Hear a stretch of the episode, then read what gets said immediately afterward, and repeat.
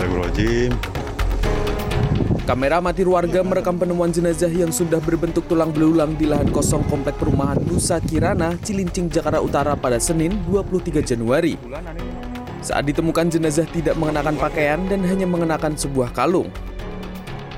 Selasa siang warga di Jalan Warakas, Senam, Tanjung Priok, Jakarta Utara menduga jenazah yang ditemukan adalah anggota keluarga mereka setelah mengenali kalung yang dikenakan. Keluarga mengungkapkan korban bernama Sari Indah Yati hilang sejak 26 Desember lalu. nyarinya ya ke mana aja muter aja suaminya muter aja nyari ke mana aja kakaknya juga iya. Sempat nye- nyebarin brosur. Iya di Melbourne daerah Bekasi daerah di di Telincing itu tempelin Untuk memastikan identitas jenazah, putri dari Sari Indah Yati berinisial PN selasa siang melakukan tes DNA di Rumah Sakit Polri Kramat Jati, Jakarta Timur. Suami Sari Indah Yati mengungkapkan meski identitas jenazah masih nunggu hasil tes DNA, namun beberapa perhiasan yang ditemukan serupa dengan milik istrinya. ya wa, harus wajib soalnya kalau dilihat dari apa namanya penemuan jenazahnya ada unsur kekerasan Hmm, unsur kekerasannya itu seperti apa, apa mas bisa dijelasin?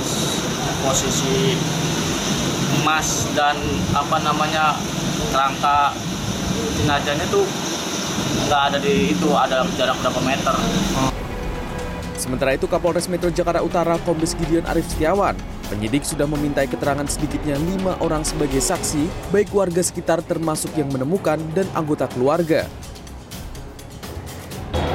Hasil otopsi sementara ya. Ini mengalah korban atau jenazah kondisinya. Kondisinya itu umur kematian bisa sampai 3 sampai 12 bulan. Kemudian sisanya tinggal pulang sehingga memang identifikasinya mungkin agak membutuhkan waktu Pihak keluarga telah melapor ke polisi sejak Sari Indah Yati menghilang pada 26 Desember lalu. Keluarga berharap identitas jenazah segera terungkap sehingga keberadaan Sari Indah Yati bisa dipastikan dan kasus ini bisa terungkap. Tim Liputan CNN Indonesia.